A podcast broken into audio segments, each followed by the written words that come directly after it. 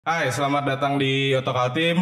Ya, untuk Ototok malam ini kita bakalan ngebahas seputar AC kendaraan. Di sini sudah ada Mas Heru. Ya. Mas, thank you banget Mas. Oke. Udah datang. Sehat Mas? Siap. Alhamdulillah. Oh ya, eh, Mas Heru ini owner dari Sukses Maju Mas ya? Ya. Oh, Sukses Maju. Mas, hari ini kan kita bakalan ngebahas masalah ya seputar AC lah, AC. Karena kan AC sangat penting Mas ya Bener, kalau di kalau kan nggak nyaman tuh. Ya benar. Kalau zaman dulu kan biasa pakai kipas tuh. kalau nggak buka kaca. ya buka kaca. Tapi ya masuk angin. Tetap bener. Apalagi kalau jalannya malam Ya. kan. Mas mau nanya nih mas. Sebetulnya komponen AC itu apa aja sih mas untuk kendaraan di mobil lah kan? Komponen inti AC itu eh, yang utama ada kompresor, Hmm. terus ada kondensor, terus ada expansion valve, ada evaporator, dan ada motor blower. Oh, iya. Komponennya di situ. Sama ada receiver dryer untuk penyaringan freon dan oli. Oh gitu. Jadi ada olinya juga ya AC Ada, ya? ada olinya untuk kompresornya. Karena kan kompresor bekerja untuk mengkompresi ya. Benar. Fungsi kompresor intinya untuk mengkompresi tekanan dari freon dan oli. Dan oli. Ha-ha. Nah, kalau nggak ada oli, berarti nggak ada yang ah, karena di situ ada piston, otomatis harus diluma, dilumasi. Dilumasi, Ya. benar. Nah, kalau nggak ada oli ya akan terjadi gesekan dan bisa stuck itu kompresor. Bisa stuck mas ya? Ya. Nah mas, eh, bisa dijelasin nggak fungsi dari komponen-komponen itu mas? Eh, kalau kompresor itu fungsinya untuk mengkompresi antara freon dan oli. Hmm. Jadi di, ditekan untuk memberikan kompresi. Eh, setelah dari kompresor itu ntar masuk ke kondensor. Kondensor. Kondensor adalah eh, apa namanya yang membagi panas, yang membagi panas dari antara freon dan udara itu masuk ke kompresor, eh ke kondensor, sorry, Kondensor, ha? kondensor. Nah setelah itu ada oli, ada freon, dan ada udara.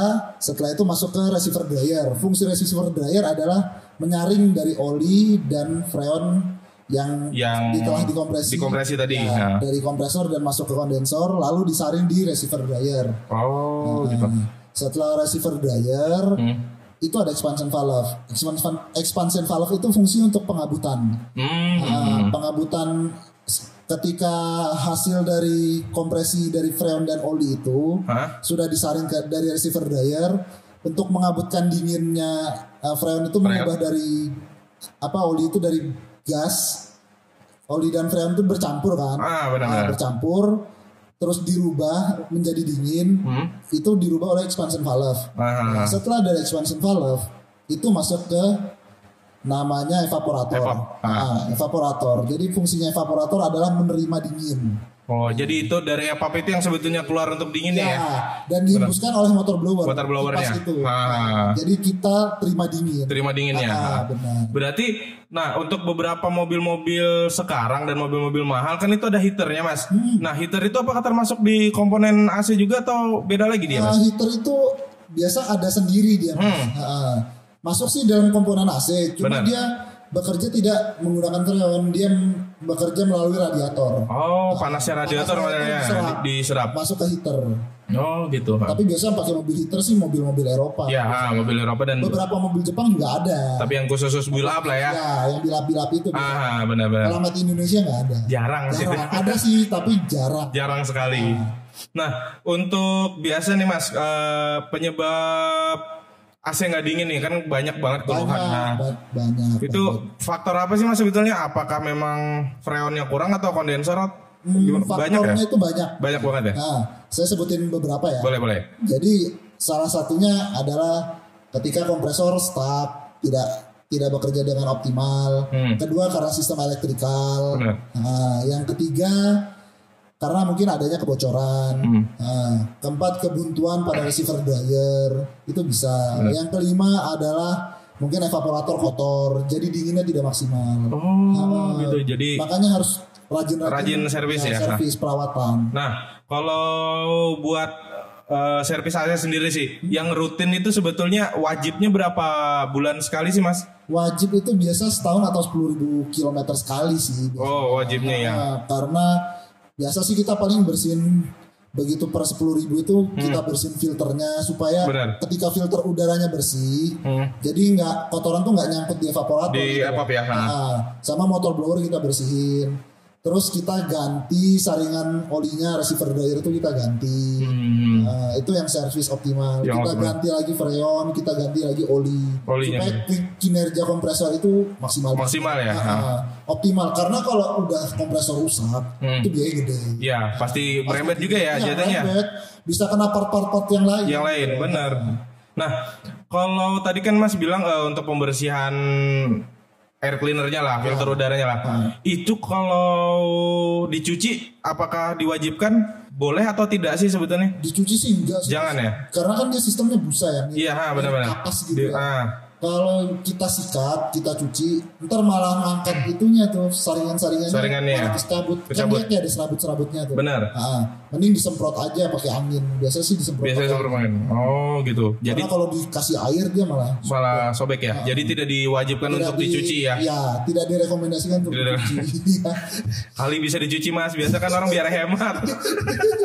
pakai pompa pompa sepeda aja kalau nggak angin dipegang gini terus dipompa. Nggak bersih-bersih Mas jadi. pakai kompresor sih. Iya, pakai kompresor ya. Iya. Hmm. Nah, Mas buat ini kan di luar banyak tuh saya lihat eh, ada yang jual preon kalengan kecil Hmm. kasarnya. Itu kira-kira bisa nggak kalau kita ganti sendiri lah tanpa kan kalau servis kan biasanya kan digantikan preon kan pakai ada alatnya khusus Ada kan. alatnya, Nah, kalau ya. misalnya mau ganti sendiri bisa kah atau tidak bisa Mas? Karena di luar saya lihat ya ya di marketplace ada lah yang jual preon Iya, peran yang kecil. ya kalengan kecil. Nah, selama punya alatnya sih bisa bisa ganti sendiri asal punya alatnya dan tahu caranya. Oh, Nah. nggak boleh sembarangan ya jatuhnya? Eh, nggak boleh karena ketika apa namanya ketika ganti harus olinya harus ditambah juga gitu. Oh. Karena nggak boleh lebih banyak freon daripada oli, akhirnya kinerja kompresor pun tidak maksimal. Tidak maksimal. Ah. Oh gitu. Jadi tidak dianjurkan lah ya kalau ada alat sendiri ya silahkan gitu ya. asal tahu caranya Asal tahu juga. caranya. Ah. Nah mas, eh, ini mau nanya lagi masalah penggunaan AC yang benar. Hmm. Nah itu gimana sih penggunaan yang benar? Karena apakah karena di biasanya kan orang bilang begitu pertama kali starter mobil kaca dibuka tuh nyalakan AC-nya gitu. Itu gimana sih mas? Kalau penggunaan AC yang benar sih ya. Iya. Kalau, kalau menurut saya, Hmm. kalau menurut saya sih yang pertama itu kalau habis mobil mau dimatiin, Benar. matiin dulu AC. Ah. Apa mencegah sistem elektriknya rusak. Hmm. Nah, yang kedua ketika running mobil, nyalain mobil, Hmm. mobil nyala mesin, nah itu jangan langsung nyalain. Jadi biar apalagi waktu pertama kali ya kalau pagi-pagi ya, Ah, ah. biarin apa namanya mobil tuh sampai RPM-nya turun sedikit, Hmm. baru nyalain. Karena ketika RPM-nya tinggi terus nyalain, eh, perputarannya gesekannya lebih tinggi. Oh gitu ya. Jadi nggak bisa langsung nyala AC begitu sama eh barengan sama star gitu ya. Bisa. Kasihan AC-nya nanti magnet cepat. Oh, magnet clutch-nya cepat kena. Oh, begitu. Di kompresor cepat kena. Iya karena magnet clutch juga lumayan Iya. mahal. Nah mas, eh, buat ini kan kalau nggak salah ya koreksi Hmm. saya kalau salah eh, tidak dianjurkan terlalu lama di dalam mobil pada saat AC hidup. AC hidup. Nah itu gimana sih mas sebetulnya? Kenapa kok nggak boleh gitu? Bolehkah atau tidak gitu? Se- sejujurnya sih boleh-boleh aja ya. Ah, Yang tidak diperbolehkan apabila takutnya ada kebocoran pada sistem sirkulasi AC, Hmm. freon keluar, ada kebocoran sedikit kebocoran di evaporator itu biasanya. Hmm.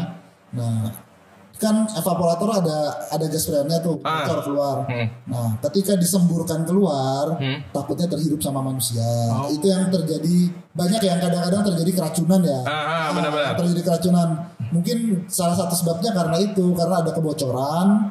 Nah, manusia kan itu kan gas agak beracun ya. Iya benar. Nah, nah, dihiruplah oleh manusia gitu loh. Oh. Sehingga nah, yang menyebabkan adanya kematian mungkin di mobil. Di mobil gitu. Makanya kalau saran saya sih mending kalau nyalain AC ya agak dibuka dikit kacanya gitu. Oh gitu. Supaya Ah. takutnya pas ada gasnya. Gasnya itu ya.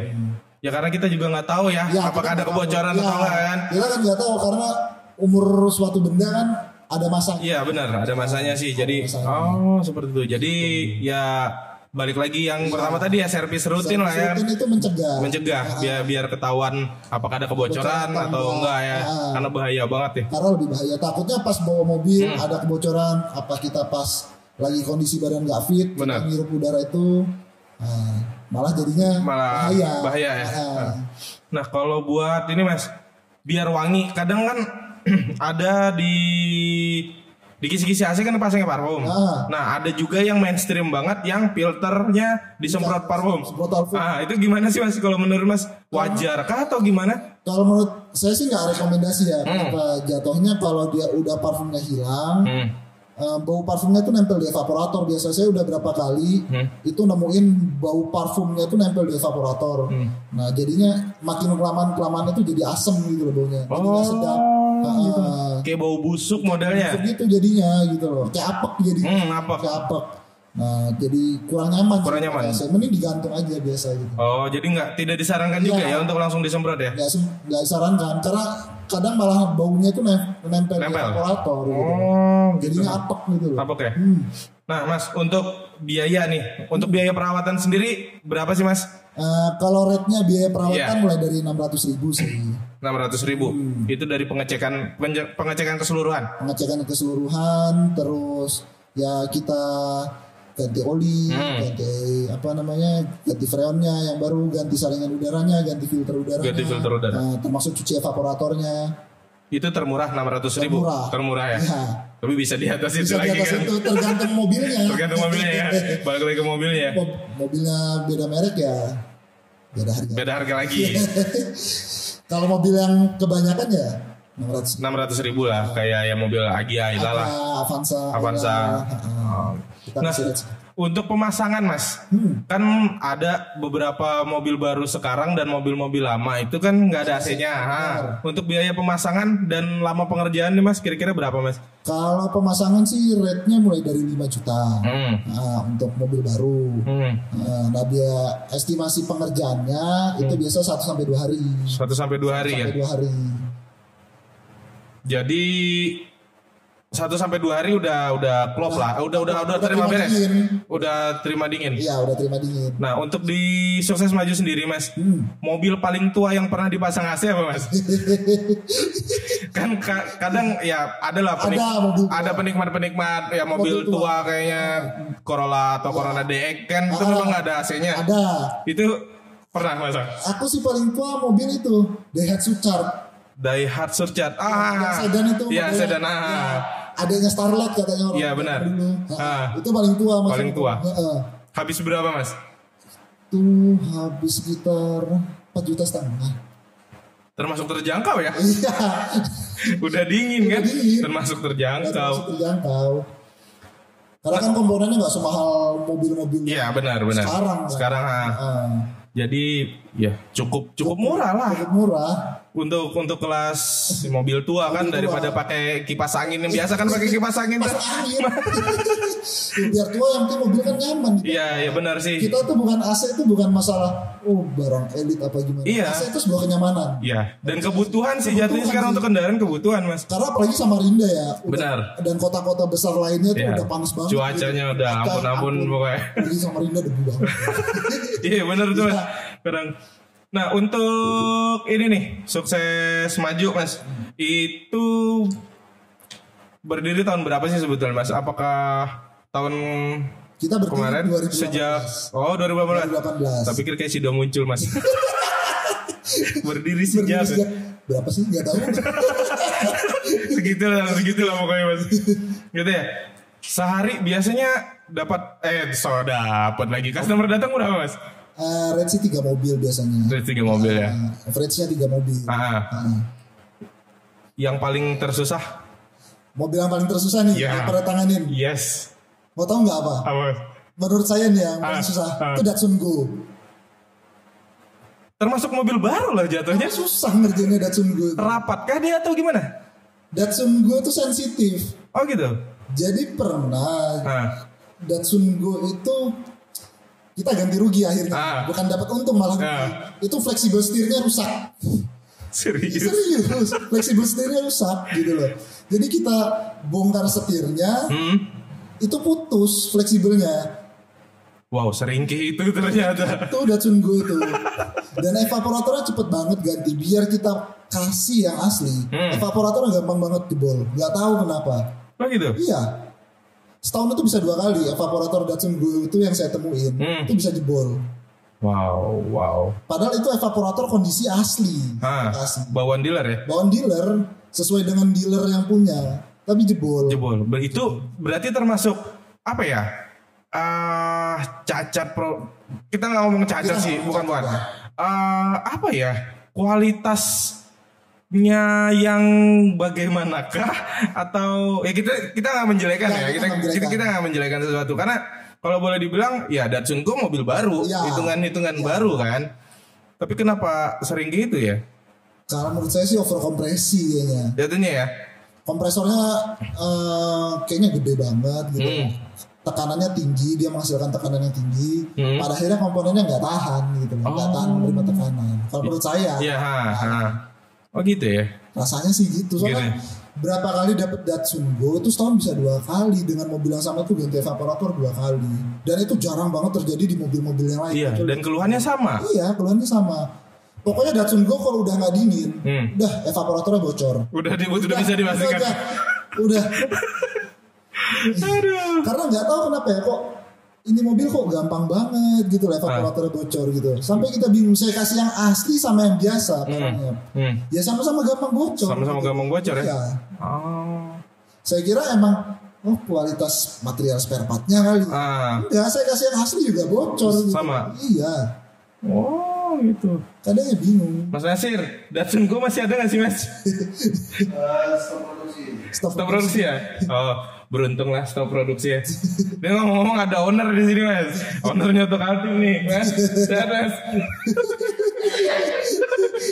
Iya tau Datsun gue tuh gampang banget bocor. Gampang ya? Gampang banget. Gampang banget. Gampang banget. Padahal itu saya her- herannya itu. Ber- Padahal termasuk baru. Nah, apakah bisa gara-gara cara pemakaian? Enggak juga. Cara pemakaian kalau dari cara pemakaian harusnya pada satu mobil gitu loh. Hmm, hmm. Ini banyak mobil gitu loh. Dan kondisinya tuh yang dialami itu sama. Sama. Gampang banget bocor Datsun Go. Ya mungkin kalau Datsun Go melihat kalau mau ngeluarin Go-Go yang lain ya bisa lah diperbaiki. Ya. Jadi notes lah. Ya jadi not lah. Ah, Jadi buat kenyamanan customer juga kan. Ayo mas, kalau boleh tahu eh, alamat bengkelnya di mana mas? Di Jalan Ahmad Yani 2 nomor 24. 24. Patokannya 50 meter dari Indomaret. Ahmad Yani. Nomor nama Dani ya. Eh, buka dari jam Buka dari jam 8 sampai jam 5. tiap hari. Weekend libur, Minggu libur. minggu libur, Minggu libur. tanggal merah pun libur ya. Tanggal merah libur. Tapi bisa ya Bisa bayar request. Ya, by request ya. Nah, buat teman-teman yang mau servis AC bisa langsung ke Mas Heru. Nanti nomornya di deskripsi ya. Di deskripsi. Ada IG-nya juga. ah, IG-nya ada. Ada Oh, boleh. Nanti dapat diskon deh. Setiap follow IG-nya kita kasih diskon 10%. Nah, tuh yang mau servis AC follow IG-nya Sukses Maju ya. Sukses Maju ya. Nah, itu kalian bisa dapat diskon 10%. Kalau kita dapat berapa persen nih? Special rate. kalian gak usah tahu lah berapa persen. itu urusan, itu urusan bisnis. Korporasi aja yang tahu. Mas Heru terima kasih banyak Mas sudah ngobrol-ngobrolnya. Terima kasih ya semoga bermanfaat lah. ya buat buat uh, penonton-penonton dari channel Auto Kaltim juga Ya. uh, semoga ini menjadi manfaat lah. Ya, terima kasih. Penonton-penonton setianya, subscriber-subscriber setianya. Benar, Terus benar. follow juga, subscribe juga channelnya Auto Kaltim. Nah. Karena banyak juga nih manfaat-manfaatnya, banyak juga informasi-informasinya. Amin. Ya kita berusaha buat ngasih yang ngasih informasi lah Mas. Ya, yang terbaik Ya yang terbaik. masyarakat Kaltim ya. Ya, khususnya Kaltim. Khususnya Kaltim. Kalau bisa di Indonesia. Indonesia lah. Ya, global lah, Mas. Jangan mau kalah sama youtuber yang lain. Iya. Terima kasih banyak ya Mas. Sama-sama. Ya teman-teman, itu tadi obrolan kita bahas masalah AC. Eh, terima kasih sudah menonton. Jangan lupa like, share dan komen. Jangan lupa juga subscribe. Terima kasih. Saya Ade. Selamat. Saya, Bye. ya.